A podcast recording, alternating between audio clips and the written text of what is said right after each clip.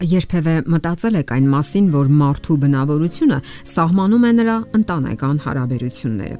Այն ամենից առաջ դրսևորվում է ընտանիքում։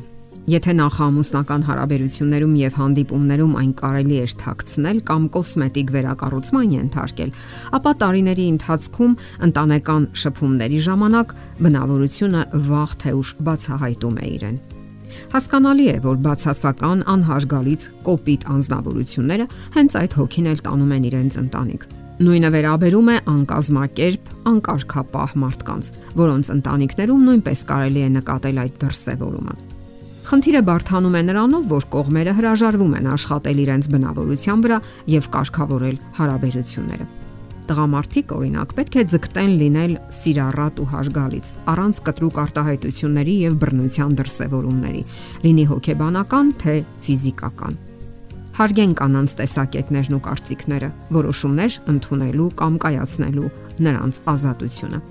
Տղամարդիկ կարող են բավականաչափ կայուն սկզբունքներ սերմանել ընտանիքում։ Դրանցից մեկը կարգապահությունն է։ Դա վերաբերում է թե աշխատանքին, թե տնային անելիքներին ու պարտականություններին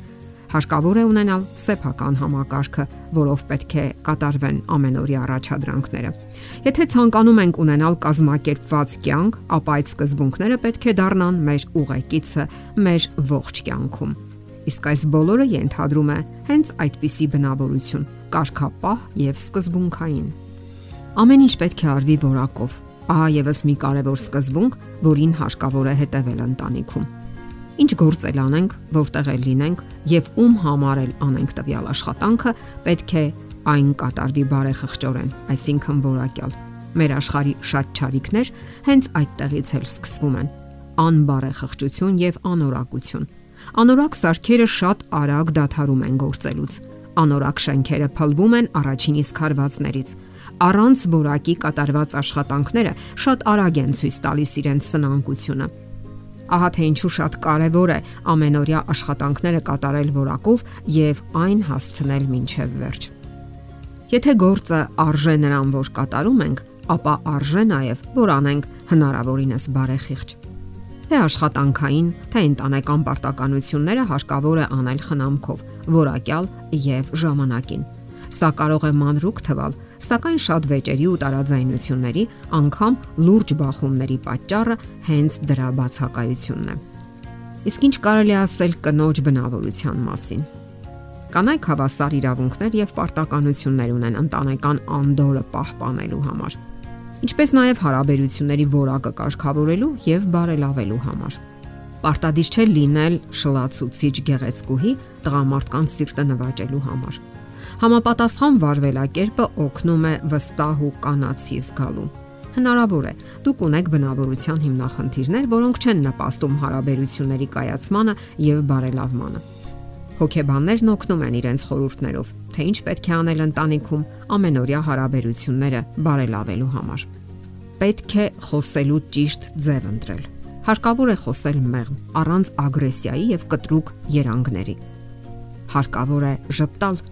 Ժպիտը վկայում է լավ տրամադրության մասին։ Ավելի հաճախ ժպտացեք։ Փոքրինչ երասկոտ եղեք։ Ինչ որ բանի շուրջ մտածելիս ձեր երասկոտ հայացքը հառեք անորոշ ուղությամբ։ Երբեմն երկնքին։ Դա յուրահատուկ հմայք կտածես։ Լսեք, կարողացեք լսել։ Ընդ որում պետք է լսել երանդուն, ոչ ձևական։ Երբեմն գլխով արեք կամ հարցեր տվեք։ Մասնակից եղեք ձեր ամուսնու խոհերին Կարողացեք նաև խոսեցնել նրան։ Այդ ամենն արեք խաղաղ ու իմաստուն ձևով, առանց պարտադրելու։ Բացասականը պետք է բացակայի։ Եղեք դրական։ Մի քննադատեք եւ մի բամբասեք։ Դա բոլորովին չի դիտվում կողքից։ Եղեք օբյեկտիվ եւ միշտ որ ունեք ճշմարտությունը։ Մի մտածեք, որ դուք ճիշտ եք, իսկ մյուսները սխալ։ Մարդկանց մասին դրական կարծիք ունեցեք եւ հենց այդպես էլ ներկայացրեք առանց կողմնապահության Կարող եք հաճախ օգտագործել այսպիսի արտահայտություններ։ Ես այլ կերպ եմ մտածում։ Իմ կարծիքը սա է։ Վստահ չեմ եւ այլն։ Երբ դրսևորում եք ձեր դիրքորոշումը, մի օգտագործեք կտրուկ, հուզական երանգներ պարունակող արտահայտություններ։ Էլ ինչ պետք է անի կինը։ Կինը պետք է տղամարդուն անունով դիմի։ Սա քնքշության դրսևորում է։ Բոլորին էլ դուր է գալիս, երբ իրեն անունով են դիմում։ Ձեր ձայնն ու կեցվածքը պետք է լինի արժանապատիվ, նրբությամբ ու գեղեցիկ։ Դուք պետք է իմանաք ձեր արժեքը, ձեր արժանինքները։ Անկեղծ զրույցներում իհարկե պետք է ընդունեք, որ դուք ել ունեք մարդկային թուլություններ ու թերացումներ, ինչպես բոլոր մահկանացուները։ Կինը պետք է նայի տղամարդու աչքերի մեջ։ Սա եւս կարևոր է։ Ինչ որ խորթավոր եւ նույնիսկ առեղծվածային պահ կա, երբ կինը նայում է տղամարդու աչքերի մեջ։ Ամուսինները պետք է հաճախ նայեն միմյանց աչքերի։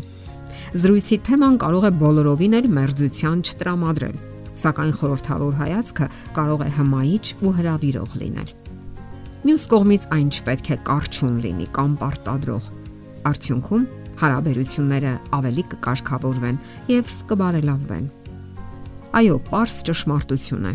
Բնավորությունը ձեր ընտանեկան երջանկության եւ կազմակերպված ընտանիք ունենալու գրավականն է։